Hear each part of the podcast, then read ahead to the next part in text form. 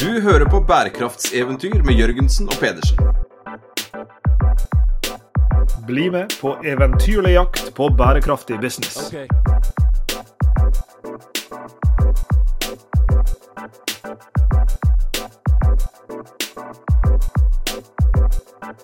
Jeg tror vi sa i en tidligere episode Sveinung, når vi snakka med Torgeir Skyttermoen om prosjektledelse, at bærekraft må jo være verdens største prosjekt. Og En annen måte å tenke på det på er jo kanskje at bærekraft, eller mer spesifikt bærekraftig business, må bli verdens største teamarbeid. Ja, teamarbeid. Og den samme Torgeir han har jo plaga meg i mange år med kunnskap om hva et team er, og hva som skiller et team og en gruppe. Og jeg må innrømme at jeg ikke helt har fått det med meg ennå, så jeg er fryktelig glad vi skal dykke litt ned i det i, i dag. Men det som er helt sikkert, eh, Lars Jakob, er at eh, det er mye bærekraftsfolk der ute som i mye større grad enn før er nødt til å samarbeide med andre. Mm. Eh, og såpass har jeg fått med meg da, på joggeturene med, med Torgeir Skyttermoen og, og, ellers at eh, det er ikke bare å bli et team. Et team er noe man er nødt til å jobbe for å bli. Eh, og det er mm. veldig veldig mange grupper der ute som liksom skal eh, få til noen synergieffekter. Eh, men så blir man satt sammen med folk. Man starter kanskje på en dårlig måte, og så fortsetter man å jobbe på en dårlig måte, sånn at man egentlig får gjort mindre enn, enn det som var målet.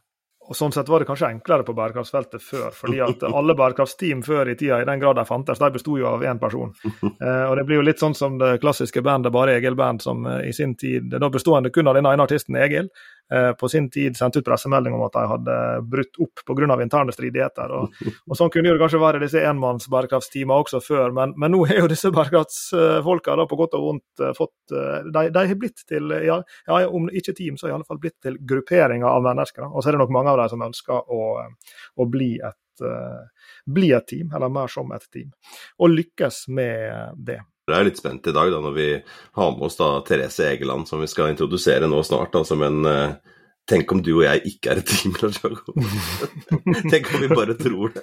Vi, vi, får ta et evalueringsmøte ved karrierens slutt og se hvordan, eh, hvordan det her gikk. Eh, men som du sier, så har vi fått en gjest inn, og hvis vi skal være helt ærlige, så hadde vi jo vært villige til å snakke om hva som helst vi eh, for å kunne invitere vår gode venn Therese til å være med inn i Bærekrafts eventyrstudio. Men nå ble det altså team som var inngangen her i dag. Men Therese hun har eh, mange talenter. Hun er professor på Norges handelshøyskole i, det daglige. Eh, ikke bare det, hun er jo også podkastvertinne for NHH sin egen huspodkast Lederskap, så det er sikkert mange som eh, kjenner henne derfra.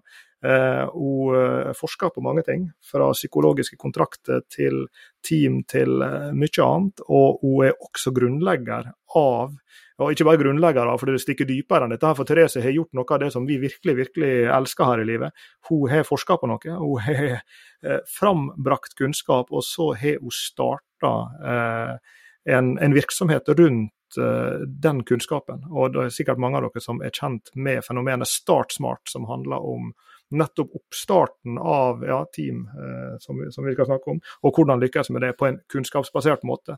Eh, så er det veldig mange ting eh, jeg tror vi skal komme inn på i dag, men før vi gjør det, så skal vi si velkommen til oss, Therese. Tusen takk, Lasse Lars Jakob og Sveinung. Veldig veldig kjekt å få lov å bli med i podkasten deres. Det tok sin tid, for dere var med i min podkast for lenge siden. vi har ikke turt å spørre deg før nå. Vi er så godt oppdratt. Men uh, vi, vi uh, la oss begynne der som Sveinung begynte, da, Therese. For vi må, å, å, vi må begynne å gnage på det beinet her fra en eller annen vinkel. Og, og et sted kan jo være, med dette som, som Sveinung sa her, hva er det egentlig som er forskjellen på et team og bare en tilfeldig sammenslutning av mennesker som sitter rundt uh, samme bord. Det er jo lærebøker som prøver å gjøre en forskjell av det. Mm. Uh, og jeg vil bare si sånn uh, innledningsvis, jeg er ikke så grådig nøye på det. Men jeg skal likevel si hva jeg mener er forskjellen. Når det er team, så er det altså en gruppe av personer som er avhengige av hverandre med tanke på noen evner, ressurser, informasjon. Så de må forsøke å forene, og det forsøker de å forene mot et felles mål. Sant? Det var mye ord i den definisjonen. Men det er to ord som er helt sentrale der. Det er avhengighet. Vi opplever en reell avhengighet, at vi trenger hverandre. Og at de vet hva de skal nå, altså et felles mål. Så har du en gruppe. De kan kanskje jobbe sammen av og til, men vet egentlig ikke om de har et felles mål, og i så fall hva det er for noe.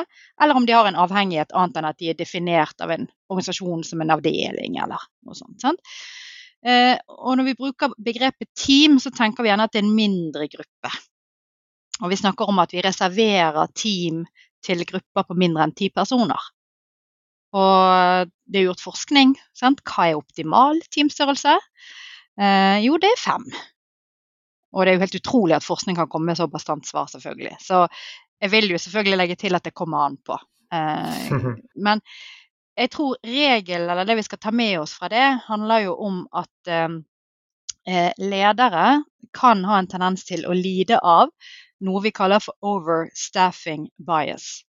Som vi ikke har et godt norsk ord for, men det betyr at ledere har en tendens til å heller ta flere med enn færre med. Så la oss si at de ser tre-fire personer jobbe i en gruppe, så tenker de å ja, de har ikke så mye fremdrift. Nei, men vi får ta inn Karen og, og Martin. Så de supplerer heller med noen folk, heller enn å se på har de faktisk skjønt avhengigheten sin, og om de har et felles mål. Så, så, det er det jeg vil si. Skiller team og grupper. Men her er du inne på, liksom, hvis vi skal til å, å, å, være litt i sånn definisjonsmodus her. Når vi jobber med organisasjoner og, og felles mål, så vet vi jo ganske mye at, om hvordan ulike grupperinger innad i en virksomhet, og, og, og selvsagt på tvers, eh, hvor det er interessenter som har en eller annen form for avhengighet, eller, eh, eller ja, en avhengighet med en, med en organisasjon, så er det ofte konflikt Eh, i, målene. Og her ligger det i definisjonen at, at, at, man har en avhengighet, og så skal man jobbe mot et felles mål. Eh, og her skurrer det vel litt for mange grupper som da skal jobbe som team allerede fra starten av, gjør det ikke det? Jo, jeg pleier å si til de som jeg snakker til om team, ta en runde i deres team. Vet folk hva deres felles mål er? Vet de hvorfor de er der? Hvorfor de andre er der? Hvor grensesnittet er mellom de? Hvor kompetansen ligger, og, og hva man gjør. Veldig mange sliter. De har en slags formening om at ja, de fikk et mandat, eller eh, vi har en slags eh, forståelse for at det er en retning vi jobber i. Men det er ganske vanskelig å prestere som et team når ikke du helt vet om du har nådd det målet. Når ikke du vet hva målet er. sant?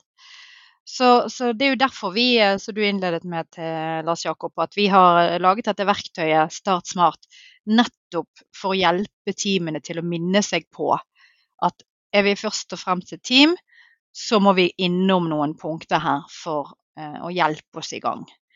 Um, og, og, faktisk det første spørsmålet i verktøyet, som er ganske interessant å stille seg som et team eller en gruppe, det er hvorfor er vi til? det har jeg Sveinung spurt oss om uh, mange ganger. Og nå skal, vi, nå skal vi diagnostisere oss selv mange ganger sikkert denne samtalen rundt hvorvidt vi er, eller kanskje en gang kan bli et team. Vi, vi blir vel aldri fem, Sveinung. Men, men, men jeg, er sånn, jeg, er litt nysgjerrig på den der, Therese. fordi jeg vet jo at uh, ja, bl.a. i, i, Lederskap-podden sammen med, med Tellef, så, så har dere eh, snakka med mange ulike typer folk. Jeg beit meg merke i at dere hadde Sondre Lerche på besøk her en dag, er ikke det riktig? Og Jeg tenker på det med, med Eh, jeg sitter og ser på ei, ei eh, velfylt platehylle, og så tenker jeg på, på, musikalske team, for å si det på den måten. da. Det kan være Lennon McCartney, eller du kan legge til flere. Eh, så tenker jeg sånn, er, Vil du tenke at dette her er, er på en måte eh, Kall det sant på tvers av domene? Eh, altså vil, vil, det å skulle fungere som et team være, være vil, vil, disse tingene være sant, enten vi snakker om et Eh, et team som jobber med ny produktutvikling i Telenor, eller vi snakker om The Beatles, da, for å si det på den måten. Altså, jeg tenker på det her med, med denne målorienteringa og Absolutt. Jeg, jeg, mener helt klart det er det. Tar du Beatles, hva, hvorfor er vi til? Vi skal lage verdens beste popmusikk. Eh, hvorfor trenger vi hverandre? Jo, vi må ha en som skriver, en som spiller bass, en som spiller gitar. Klarer ikke uten trommer. Altså, du kan absolutt bare fylle inn den. Sant? Og hvilke egenskaper har vi? Vi har den kritikeren som våger å si fra at det ikke er bra nok. Vi har den kreative som eh, bobler over av ideer. Sant? Og så skal du skape dette rommet. og da er det jo nærliggende å komme inn på et begrep og fenomen som veldig mange eh, knytter teamarbeid til, og det er jo psykologisk trygghet. Så det er, ligger jo ikke i definisjonen i dag, men det er jo et begrep som nå ses i sterk sammenheng med velfungerende team det er jo i hvilken grad har du team der medlemmene ja, de kjenner sin avhengighet til sitt felles mål, men når de kjenner at her er det noe som skurrer, tør de å stille spørsmål, si at 'jeg har ikke forstått', eh, eller tør de komme med en idé som er dum eller rar? Eh, eller hvilken eh, relasjon har de til de andre teamet, og i hvilken grad våger de seg utpå der. Fordi at psykologisk trygghet handler jo om eh, er det rom for å ta en interpersonlig risiko. Tør du å avsløre at ikke du har skjønt det?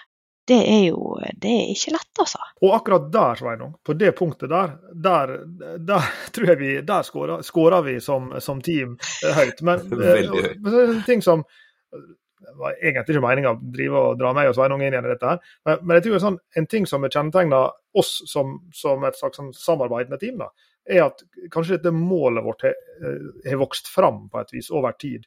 Og, og, og klart, det, det, er ikke, det, er jo ikke, spesielt i det. altså Mål kan vokse fram, og de kan også endre seg selvfølgelig over tid. Men kan du si litt om det, siden vi nå på en måte blikker litt på denne måldimensjonen av, av teamet eh, fra litt ulike hold? da, altså kan, En kan vel se for seg at noen team blir liksom bevisst konstruert fordi at f.eks. en større organisasjon som teamet er en del av, har et mål som skal, eh, skal oppnås, og vi finner det formålstjenlig å nedsette dette teamet for å gjøre det.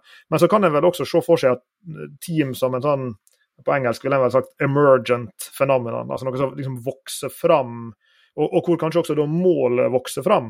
Eh, og jeg går ut ifra at disse, disse, to versjonene av det på en måte sameksisterer helt fint under din definisjon av hva et team er for noe. hvordan det funker. Jeg skal trekke det så langt til å si at det finnes tre varianter innenfor det landskapet du nå snakker om, eh, Lars Jakob. Vi har det vi kaller lederstyrte team. Da er det typisk som du sier, du har en leder som har et klart mandat, et mål. Eh, trekker sammen de personene han eller hun trenger for å ha i det teamet. Delegerer veldig tydelig arbeidsoppgavene. Du skal gjøre det, du skal gjøre sånn. Så det kan si nesten litt sånn ovenifra og ned, men det kan fungere og må det av og til. Kirurgteam, f.eks. Så har du det som heter eh, selvstyrte team. De har en slags eh, leder som kanskje har fått en mandat fra en leder over igjen, men de kan sammen ha større rom for å eh, tune inn målet basert på det mandatet. Så de får mer makt og myndighet. Empowerment er gjerne mm, fint å snakke om i den forbindelse, men de er likevel en formell enhet i organisasjonen utpekt.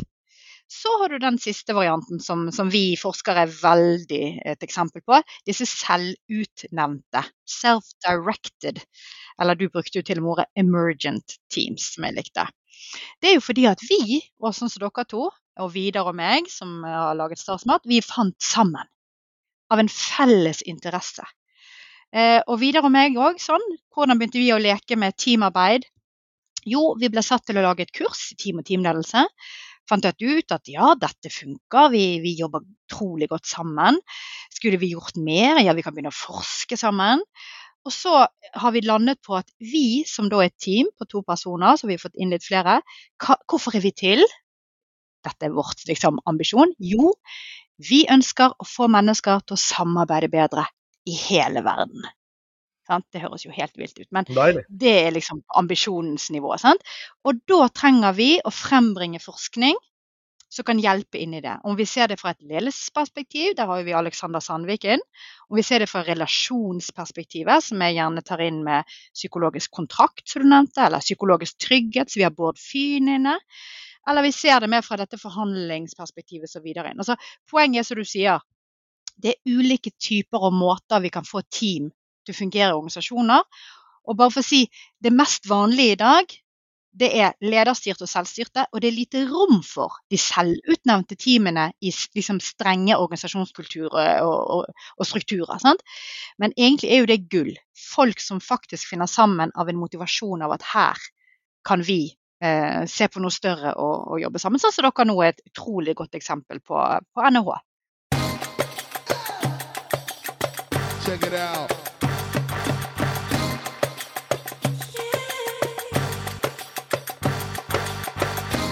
Betyr det at du og Vidar Skei en eller annen gang i deres uh, selvutnevnte teamprosess har satt dere ned og virkelig stilt disse spørsmålene og begynt med why og hvilke mål dere vil ha med, og hvem dere vil ha med inn i det, og sånne ting? Ja.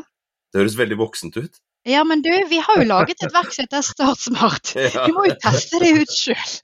Do you walk the walk, or do you talk the talk, ja, Sveinung? Jeg tenker litt tilbake til Beatles der. for jeg tenker Det er vel en del team opp gjennom tiden som da kanskje er sånn selvutnevnte team, men kanskje en fjerde på den lista, det er sikkert mange flere på den lista enn jeg vet om, kunne vært en litt sånn der, noen som ikke har vært veldig bevisste på det, men som allikevel har gjort det. Og så kommer alle vi etterpå, og så prøver vi å etterligne det. Og så skjønner vi det at eh, jo, kanskje Beatles i sin tid Jeg bare lurer på om den der gjengen der virkelig satte seg ned og så, og så nei, vi vil at alle nå eh, som kan lære seg å spille gitar, skal spille Let It Be. Ikke sant? Altså sånn der, eller, eller, eller, eller, var det en gjeng som, som, hadde det gøy, og som fikk noen ambisjoner og dro noen damer og festa og spilte noen timer nede i noen noe kjeller i Tyskland, hvis ikke jeg husker rett, før de ble kjent? Kanskje, det, kanskje det, var målet? Ja, jeg tror det var målet. ja, men sånn der, og, så, og, så, og så altså er det noen som har, liksom, har, fått det til, og så må vi andre, da, vi andre uh, dødelige, vi er nødt til å gå etter, og så må vi ha noen sjekklister, og så må vi jobbe sammen på en litt ulike måter for å få det til. Også som du sier, den der psykologiske tryggheten, f.eks. Jeg kan tenke meg at det gikk en kule varmt opp gjennom uh, tida.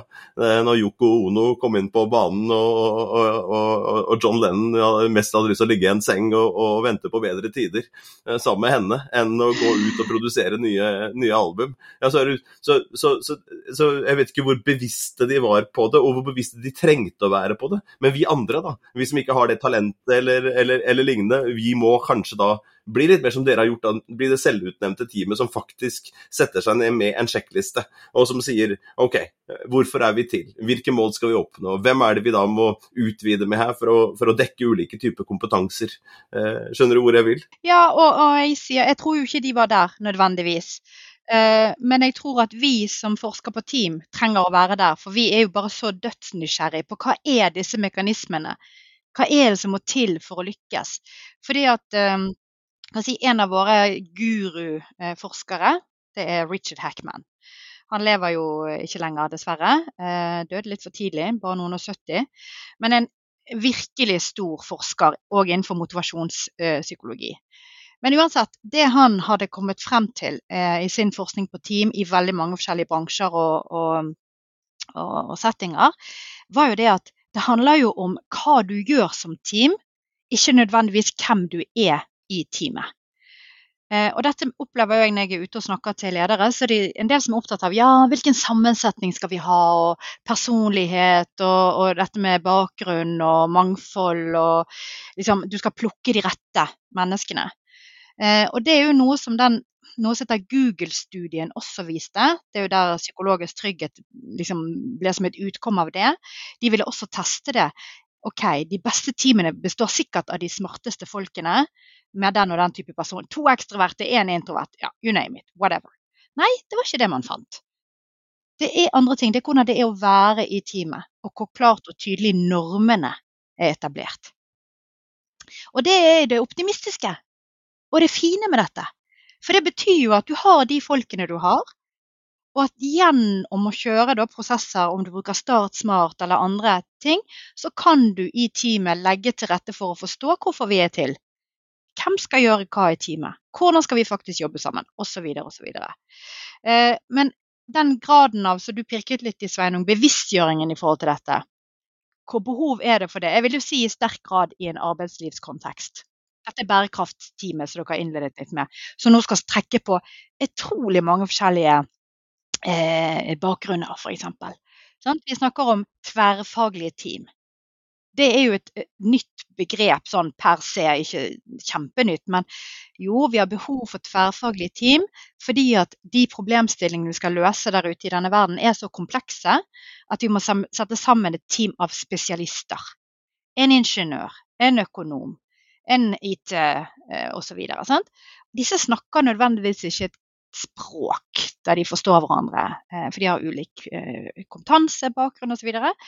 Og da vil det, når de kommer inn med sine perspektiver, ikke nødvendigvis resonnere hos hverandre. Og Da trenger man disse verktøyene og måtene å legge til rette for at de fungerer bedre som et team, og nettopp snakker om de elementene vi var inne på. Jeg tror det, det, er jo kjempespennende, og jeg, og jeg, tror nå skal vi forlate uh, musikken. men jeg, jeg bare lyst til å si at, at, Som en kontrast til det du er inne på nå, ikke sant? en alternativ take på det som Sveinung sa i stad, og det var jo min feil som, som brakte opp uh, musikktimer her, da. Men du kan jo si at i lys av disse tre spørsmålene som, som Start Smart-verktøy dere uh, reiser sånn overordna, hva er det vi skal få til, hvem er, det, hvem er, vi, og hvordan skal vi jobbe sammen? Mm. Det er jo mm. få typer team som har en tydeligere visjon av hvem de er, egentlig, enn en, en gruppe artister. De vil jo ofte ha et mye mer uttalt og bevisst forhold til det. Og, og nå er jeg på vei et sted, altså. fordi det de ofte også har et, et uh, mer aktivt forhold til som team enn kanskje det jevne team i en bedrift, f.eks. Det er jo den litt sånn dynamiske perspektivet på hvem vi er. Altså med andre ord, det at jo, vi kan ha noe, et mål som sitter fast, og at ja, vi skal lage verdens beste popmusikk, sa du i stad om, om Beatles. Men skal vi få til det fra 1950-tallet inn i 60-tallet og inn i 70-tallet, ja, da er vi nødt til å endre oss kontinuerlig. Og, og, da, hvis vi hopper tilbake igjen til det tverrfaglige teamet ditt, så tror jeg jo at, at den greia der kan være veldig krevende for ja, La oss fortsette ned bærekraftsveien. da. Bærekraftsteamene pleide som sagt å være veldig veldig små og, og veldig sånn personavhengige. Nå begynner eh, i alle fall mange store selskaper ganske store bærekraftsteam. Og så skjer det noe veldig spennende nå i vår tid, nemlig at, at liksom de mange fasettene av bærekraftsarbeid liksom vokse seg store. Så nå kan du i en stor norsk virksomhet ha én gjeng som jobber med bærekraftsrapportering. Det kan hende de rapporterer opp til en CFO. Så vil du ha noen som jobber med eh, grønne produkt og tjenester eller grønn forretningsutvikling. eller noe sånt. De kan hende jobbe tettere med en slags strategigruppe, rapporterer til en strategidirektør, hva vet jeg. Eh, du vil ha noen som, ja, du forstår poenget. Og, og da vil jo du plutselig ha liksom, et fenomen som også er i bevegelse, slik at kall det bærekraftsteamet i virksomheten også vil måtte endre seg med ja, endra mål, helt klart. Ja, plutselig skal vi rapportere mye mer enn vi skulle før, f.eks. Plutselig skal vi gjøre andre ting enn de vi gjorde. Og så er vi jaggu ikke en homogen masse engang. Vi er en broket forsamling av jurister og økonomer og sosialantropologer og folk som vet veldig mye om uh, global urettferdighet, som, som, da er satt sammen i dette i hermetegn, bærekraftsteamet. Og jeg tenker på denne dynamiske utviklinga både av målet og hvordan teamet skal forholde seg til målet. Det må jo eh, etter mine begrep være en utfordring. Ja, eller det du kan si er jo at uh, sant, Dere snakket jo om Statsmat som et verktøy. Sant? Det ligger jo på nh.no slash startsmart. Så det er fri, gratis, last ned. Kjempefint. Det har det jo blitt gjort mange tusen ganger, så det lever sitt eget liv. Men så oppdaget vi, apropos jeg svarer på det dynamiske perspektivet, det er jo det at ja, du er ny, du starter som et team, og du starter smart. Du følger malen hos oss som må finne ut hvorfor vi er til. Så det vi lanserte ett år senere, som var nå i høst, det er jo det som heter Start Smart Follow-up. Hmm. Og det er ikke det så mange som har fått med seg, så derfor må jeg presisere det. At det ligger nå to verktøy der ute. Det er for å starte smart, og det er for å følge opp. Og hva betyr det å følge opp? Jo, hvorfor er vi til? Men har det skjedd noe i det siste som gjør at vi må justere vår ambisjon. Sant? Og så på det spørsmål nummer to er jo hva er vårt konkrete mål? Har det skjedd noe siden sist som gjør at vi må justere det målet? Så verktøyet som heter Start Smart Follow-up, gjør at teamet blir tvunget til å se dynamisk på seg sjøl om vi trenger å gjøre justeringer basert på det vi har jobbet med så langt. Og Der er vår anbefaling at du gjør denne øvelsen hver andre måned eller hver tredje måned, avhengig av hvor tett eh, du jobber sammen i teamet. Eh, og Det er nettopp for å trigge til dynamikk, men også gi rom for de som kanskje underveis kjenner på at hæ, hva er det vi holder på med, hva var det vi egentlig ble enige om første gang, for dette, dette henger jo ikke på greip. Så det er jo igjen det tilbake til litt det berører det du sa, Sveinung. Ja, men man har det gøy og man får til ting, og dette skjer uten at man er bevisst på det så tror jeg at den bevisstgjøring nettopp gir det rommet for å, at mennesker kan sparre om og bli bevisst på å ta opp er det noe her jeg trenger justering. Og da må vi ha denne tryggheten på plass. da. Eh, og Det er jo det vi opplever at vi får etablert i Startsmart eh, gjennom å dele det som heter personlig bruksanvisning. Så Det er jo den eh, dimensjonen i verktøyet som er det mest personlige. Uh, og det er jo basert på uh, egentlig veldig artig uh, Jakob Mørk, som dere sikkert kjenner til. som startet et selskap som heter Braver, NHO-student. Og som hadde laget sin personlige bruksanvisning som la ut på nettet, som jeg kom over. Og så måtte jeg lage en episode på lederskapspodkasten om det. Og da slo det meg at vi skulle alle hatt en personlig bruksanvisning. Altså hvordan er det å jobbe med Therese? Eh, og det er selvrapportert i den forstand at Strålende, kan jeg uh, si, som bare ender like igjen. Nei, sant. Hva er det Therese opplever er sine styrker i samarbeidssituasjoner? Hva er mine svakheter? Eh, hva er det jeg irriterer meg over når jeg arbeider med andre? Hva som motiverer meg i arbeidet med andre? Hva som kan være lett å misforstå om meg i samarbeidssituasjoner. Så i det, de spørsmålene der, da, når man deler det innad i teamet, så opplever jeg at selv team som har eksistert over lengre tid, får aha-opplevelser.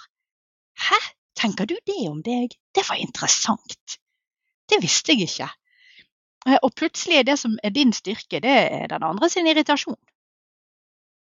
Ops, hva gjør vi da? Men, men, det gir det rommet for å, sant, når man bygger psykologisk trygghet, være litt sårbar, eh, by litt på seg sjøl. Uten at man skal sånn Nå skal vi legge ut om den tøffe barndommen. Men at det handler om eh, i en samarbeidssituasjon, hva er dine erfaringer om hvordan du opererer, er dine styrker og svakheter. For sånn er det jo. Vi har jo alle våre ups and downs.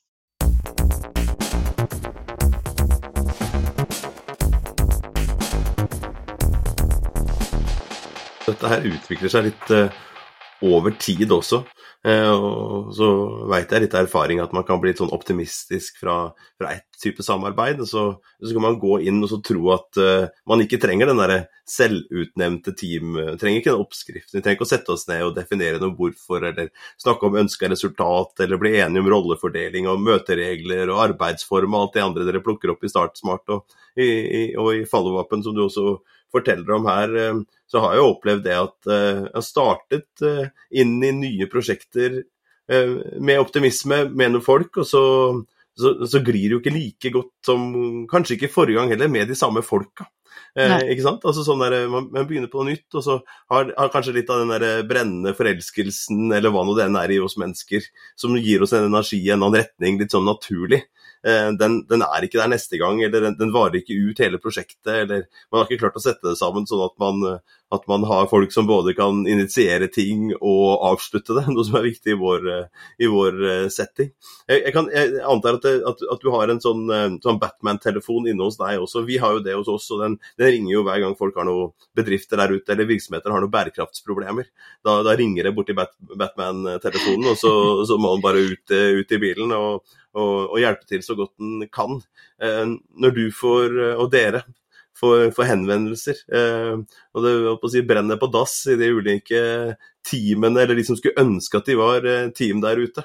Hva er liksom de, de, de klassiske spørsmålene og problemstillingene du, du, treffer på der ute, og dere treffer på der ute? Det er jo nettopp, det berører egentlig mye av det vi har snakket om nå. De sliter med å, å få den fremdriften eh, som de hadde ønsket. Det er gjerne noen konflikter, misforståelser mellom eh, medarbeidere. Eh, og nå, det må bare sies, jeg er ikke ute som konsulent og hjelper team i seg selv. Jeg kan gjerne holde innlegg om eh, verktøyet vårt og sånt, men verktøyet er jo utviklet i samarbeid med AFF. Harald Engeseth og Marie Bjerga og, Linn Lømo. Og de er konsulenter. Så de er jo ute eh, og virkelig får se eh, hvor skoen trykker. Eh, og det de opplever, er jo at eh, hvis det f.eks. er konflikter i et team, som det kan oppstå, så bunner det ofte i vi vet ikke målet. Eh, vi går i beina på hverandre. Det er ikke ansvarsfordeling her. Jeg trodde du skulle gjøre det. Eh, eh, og, og, de har jo i enkelte sammenhenger nettopp brukt Start Smart igjen til å løse opp i konflikter på en arbeidsplass. Så det er jo interessant, fordi vi lagde jo Start Smart som en sånn Ja, nå er teamet nytt, og de trenger å sette noen retning.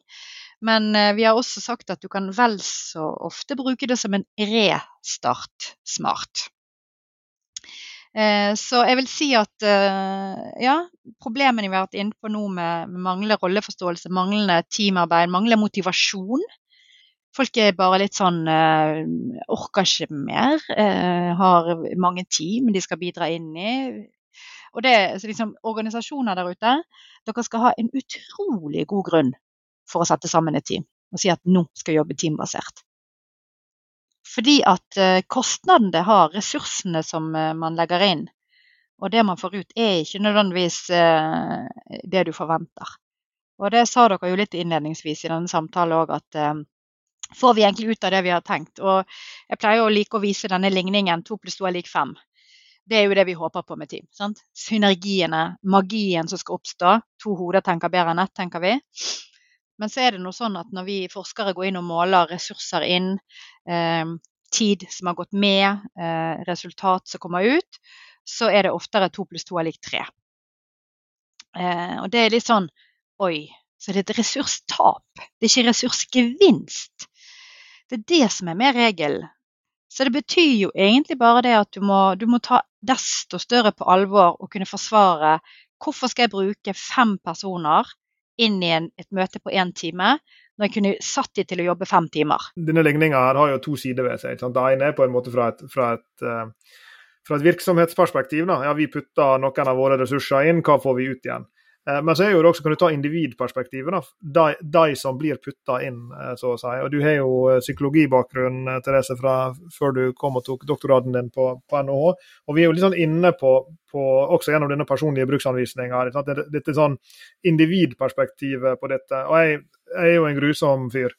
Som, som, så jeg har heldigvis én fyr som, som, holder ut. Og Jeg er jo sånn som, dette, jeg ble ganske tidlig klar over at, at akkurat dette med å jobbe sammen med andre, det, det, kan jeg få til under, under visse forutsetninger. Som regel eh, hvis jeg får bestemme, eller i alle fall at de som jobber med, med, meg, er flinke til å få meg til å tro at det er jeg som bestemmer. Så derfor, når jeg, når jeg studerte uh, den gangen jeg Ja, vi studerer vel fortsatt, gjør ikke det? Men jeg, når jeg formelt studerte Den gang du ikke fikk penger for å studere? ja, nettopp. nettopp. Så, så, styrte jo jeg unna kurs hvor jeg visste at jeg ville komme til å bli satt i en gruppe av kurslederen, foreleseren. Ja, da valgte jeg det kurset vekk, og så valgte jeg et annet et istedenfor, hvor, hvor jeg kunne velge min egen gruppe og tro at det var jeg som leda den. Ja. Um, og, og, og, liksom sånn ja, du, du, forstår kanskje hvor jeg er på vei. Det er litt sånn For du sa det jo, bør vi nedsette et team? Og et, liksom andre sida av den mynten er jo sånn bør alle mennesker være i team? Eh, og, og, liksom hvordan tenke rundt og, og der, Derfor jeg nevner psykologen i deg på et vis. da, Er det kanskje noen mennesker som rett og slett er, er mindre egnet til det, og hvor det både da kan føre til at det du får ut av dette mennesket, sånn produksjons- og prestasjonsmessig, er dårligere enn det kunne ha vært, eh, men og i tillegg, for å gjøre vondt verre, denne personen har det dårligere i jobbsituasjonen enn vedkommende ville hatt eh, hvis de ikke var i dette teamet. Det var en negativ inngang, du. Hjelper meg. Ja, men det, det er ja og ja. sant? Eh, det er jo det at noen elsker å jobbe i team. Og så er det dessverre blitt sånn i dag at det kan ikke du gå rundt og si. Fordi at i alle stillingsutlysninger så står det vi trenger team players eller eh, teamarbeid. sant? Så det kan ikke du flagge. Eh, så det, men det var du er modig, Lars Jakob, som gjør det, selvfølgelig. Tenure. Tenure. Han er blitt professor, man vil.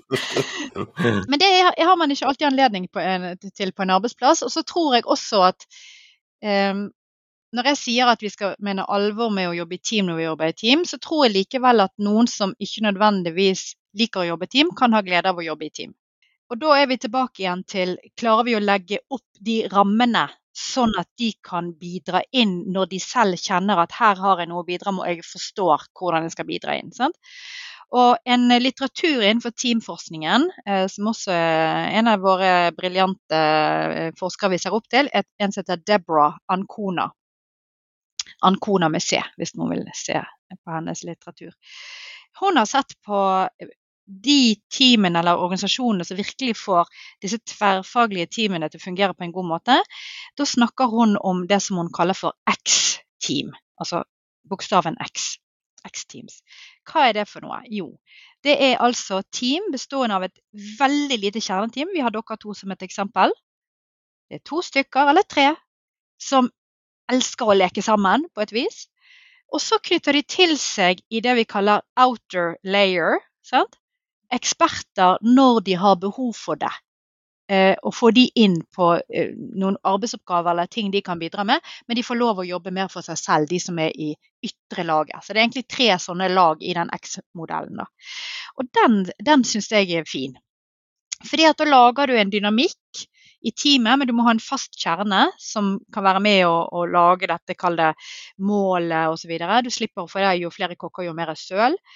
Eh, og du kan trekke inn disse medarbeiderne som ja, som du sier, har lyst til å være mer for seg sjøl, men de kan få lov å bestemme inn hva de skal jobbe med. Eh, I den grad de forstår seg inn i det bildet med hva er målene, hva er mitt ansvar osv. Så, videre. så jeg tror det er større fleksibilitet i måter å jobbe i team på enn kanskje organisasjoner der ute er klar over. Og kan leke med og heller eksperimentere med. For det at, som jeg sa i sted, det med tverrfaglige perspektiver, det må vi nesten ha i dag. Fordi problemstillingene, og spesielt innenfor bærekraft, vi skal løse det. Det er ikke én person som sitter på det svaret, mest sannsynlig. Det er noe med den dynamikken mellom de ulike profesjonene, eh, fagområdene, som må snakke sammen. Og da tror jeg man kan ha større fleksibilitet i måten man legger opp til en struktur eh, rundt det. Den, den, lista di jeg skrev opp her i stad, altså fra lederstyrte til selvstyrte til selvutnevnte, hvis jeg skrev uh, riktig. Uh, og så begynte jeg å trekke inn disse, kaller det sånn naturlig, de som aldri satte seg ned virkelig og tok, hadde aldri behov for å virkelig diskutere eller sette ord på why, og, og ikke trengte å, å, bli enige om prosesser og roller og sånne ting, men det glir, glir over tid. Mm. Um, som kanskje er et sånn, der, litt sånn romantisk ideal rundt, som vi, vi andre prøver, prøver, å etterstrebe. Så tenker jeg på disse lederstyrte teamene, disse, den, den, første kategorien du nevnte der. Er, har vi en tendens til å undervurdere den type team. Um, altså sånn, det er lett å tenke at alt skal være selvstyrt og, og, og helst naturlig, men, men er det, er det, en grunn til, f.eks. i bærekraftsetting eller andre settinger, for virksomheter og organisasjoner hvor man skal prøve å få folk med ulike interesser til å jobbe sammen mot noen felles mål, hvor disse felles målene eh, ofte står i konflikt til hverandre. En ansatt kan ønske høyere lønn og, og kortere arbeidstid, mens en, en aksjonær eh, vil ha det motsatt, og en kunde vil ha det så rimelig som mulig, og leverandørene og osv. osv. osv. Alle disse denne koalisjonen av interessenter som gjerne står i konflikt. Da. Så, så tenker jeg på de lederstyrte teamene. Er det, er det forska mye på det? og, og er det mulig å, å, styre disse teamene? Og, og, og, kan man da Det er så lett å tenke at i samarbeid så skal det ligge noe som har personlig kjemi å gjøre, at man fungerer bra sammen, og at den psykologiske tryggheten kommer av seg selv. Og, så selv i sånne situasjoner hvor det er folk som virkelig står i konflikt, da, men hvor det er et avhengighetsforhold mellom dem, for å ta deg på ordet på definisjonen, og organisasjonen er helt avhengig av at den gruppa skal bli et team og fungere sammen. Hvilke muligheter har da en, en, en leder oppover i systemet da, til å styre disse teamene, og er det samme fremgangsmåte som skal til da? Altså, jeg tror jo eh, Vi skal ikke være redd for eh, struktur. Eh, og er det da en leder som skal sette den strukturen? Og med struktur tenker jeg på de elementene som ligger i Startsmart. Altså at du, du har mål, du har avhengighet, du har ansvar, du har eh, rollefordeling og arbeidsmetode. Og så er det jo sånn hvilket eierskap får medlemmene i teamet hvis leder kommer inn og sier nå har jeg bestemt, eh, dette er målet, eh, du Lars Jakob leverer en rapport på det, du Sveinung eh, sånn og sånn. Det er ikke sikkert du kjenner deg motivert da. Sant? At du, du, får en veldig sånn kommandostruktur, som er de typiske lederstyrte teamene. Så i noen hensikter er det bra at det er det. og da, Derfor trekker jeg parallell til at jeg nevnte de tre konstellasjonene som du sa så fint. Lederstyrte, selvstyrte, selvutnevnte. Og så har vi også en fordeling av noe som heter operative team, problemløsende team og kreative team. Det er også en tredeling. Og i operative team vil du oppleve mer behov for lederstyring. Og operative team kirurgteamet, politi, eh, militær, de vet klart og tydelig skal ta ut et mål. Altså, jeg pleier like å bruke eksempelet. De skulle ta ut Osama bin Laden. Ja, hvordan gjorde de det? Jo, de øvde på et hus i ørkenen i Nevada som var kliss likt til det som Osama bin Laden jobbet i, eh, bodde i i Pakistan. Drillet og drillet. Leder kjempestyrende inn i dette, selvfølgelig. Fordeling av roller, da, da, da, da. Funker som en kule. Det er et operativt team. Et problemløsende team der du ikke helt vet løsningen, men du skal bare kaste opp og, og, og, finne ut av eh, Ja, vi hadde jo en eh, pandemi her, folkens. Vi trenger en vaksine. Hvordan gjør vi det best mulig? Ja, Der må vi spille på lag. Sant? Få frem perspektivene til de ulike medlemmene. Da er ikke sikkert at dette lederstyrte teamet er det vi trenger. men mer selvstyrt, mer selvutnevnt. Eh, og så har du disse kreative teamene. Og problemløsende kreative kan jo gå litt i hverandre, men kreative team er jo typisk sånn vi skal komme med en ny tjeneste eller et nytt produkt, eller vi vil gjerne da at folk skal kunne ha mer fleksibilitet, myndighet, empowerment, som vi snakker om i, i, den settingen. Så det er noe med disse ulike måtene å sette sammen team på, og vi trenger alle disse variantene. Så du må se litt an hva er behovet inn, avhengig av om du er noe et problemløsende, kreativt, operativt team, tror jeg, da.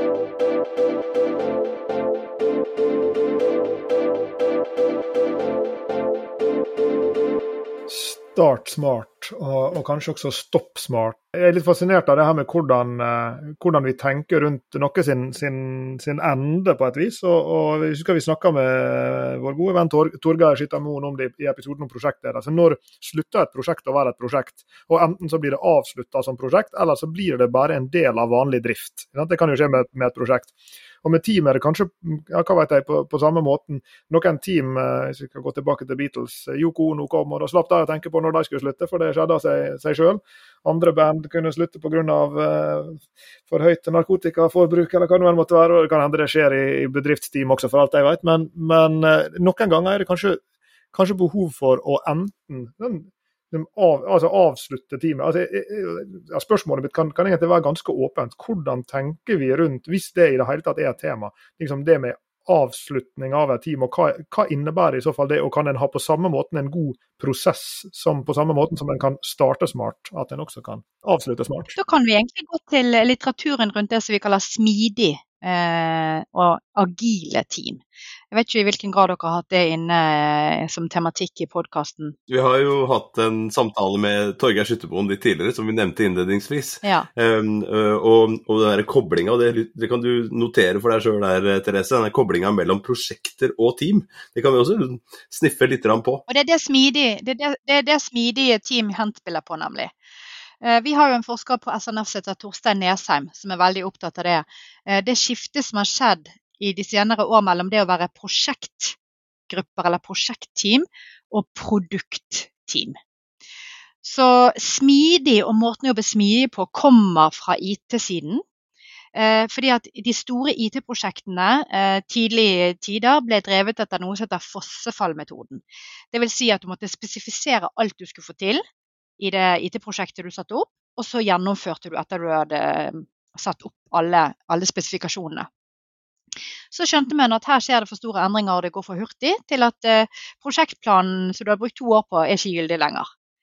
Så da fant de ut at uh, dette er ikke noen god måte å jobbe på. Vi må lage uh, et manifest. Så da satte 17 IT-utviklere og, diverse eksperter seg ned og lagde det agile manifest, som sa det at vi må jobbe på nye måter. Vi må jobbe kundenært. Vi må jobbe innovativt og mer eh, dynamisk. Eh, og vi må ikke tenke mer sånn type eh, disse reglene, disse spesifikasjonene. Og Derav kom smidig metodikk. Som i dag, hvis noen hører på, kjenner igjen. Skrøm er en sånn metodikk. Kanban er en sånn metodikk. Eh, safe. Ja. Så det man gjør der, det er nemlig å si det at alt vi holder på med kan deles opp i nå bruker jeg ordet fra Skrøm som heter sprinter. Vi prøver å kjøre et prosjekt nå, og vi gjør det på to uker. Og da slutter det. Og etter to uker så har vi det vi kaller en retrospektiv. Som en samtale der du reflekterer over hvordan jobbet vi disse to ukene. Så innenfor smidig så er det igjen tilbake til at Start Smart er et veldig sånn verktøy med struktur. Der er det veldig mye struktur. Fordi du har hvordan starter man opp, hvordan jobber man underveis. Da driver man med det vi kaller standups, som ikke er et eh, talkshow. Men det at du står opp hver morgen og diskuterer hva har jeg slitt med i går. Og Det er tverrfaglige team, de er små. Og de har gjerne en utvikler, en arkitekt, de har en, en fra marked, de har en fra, som er kundeansvarlig. Forsikring er jo en sånn type eh, eksempel. Sant? Vi jobber ut mot kunde og kan hele tiden justere prosjekter. Men de har vært utrolig dyktige på nettopp det, å ha disse seremoniene. Både til oppstart og avslutning, og kunne se tilbake. Og der tror jeg da, som du spurte om, eh, Lars Jakob, hva med teamene? Kan vi slutte med dette?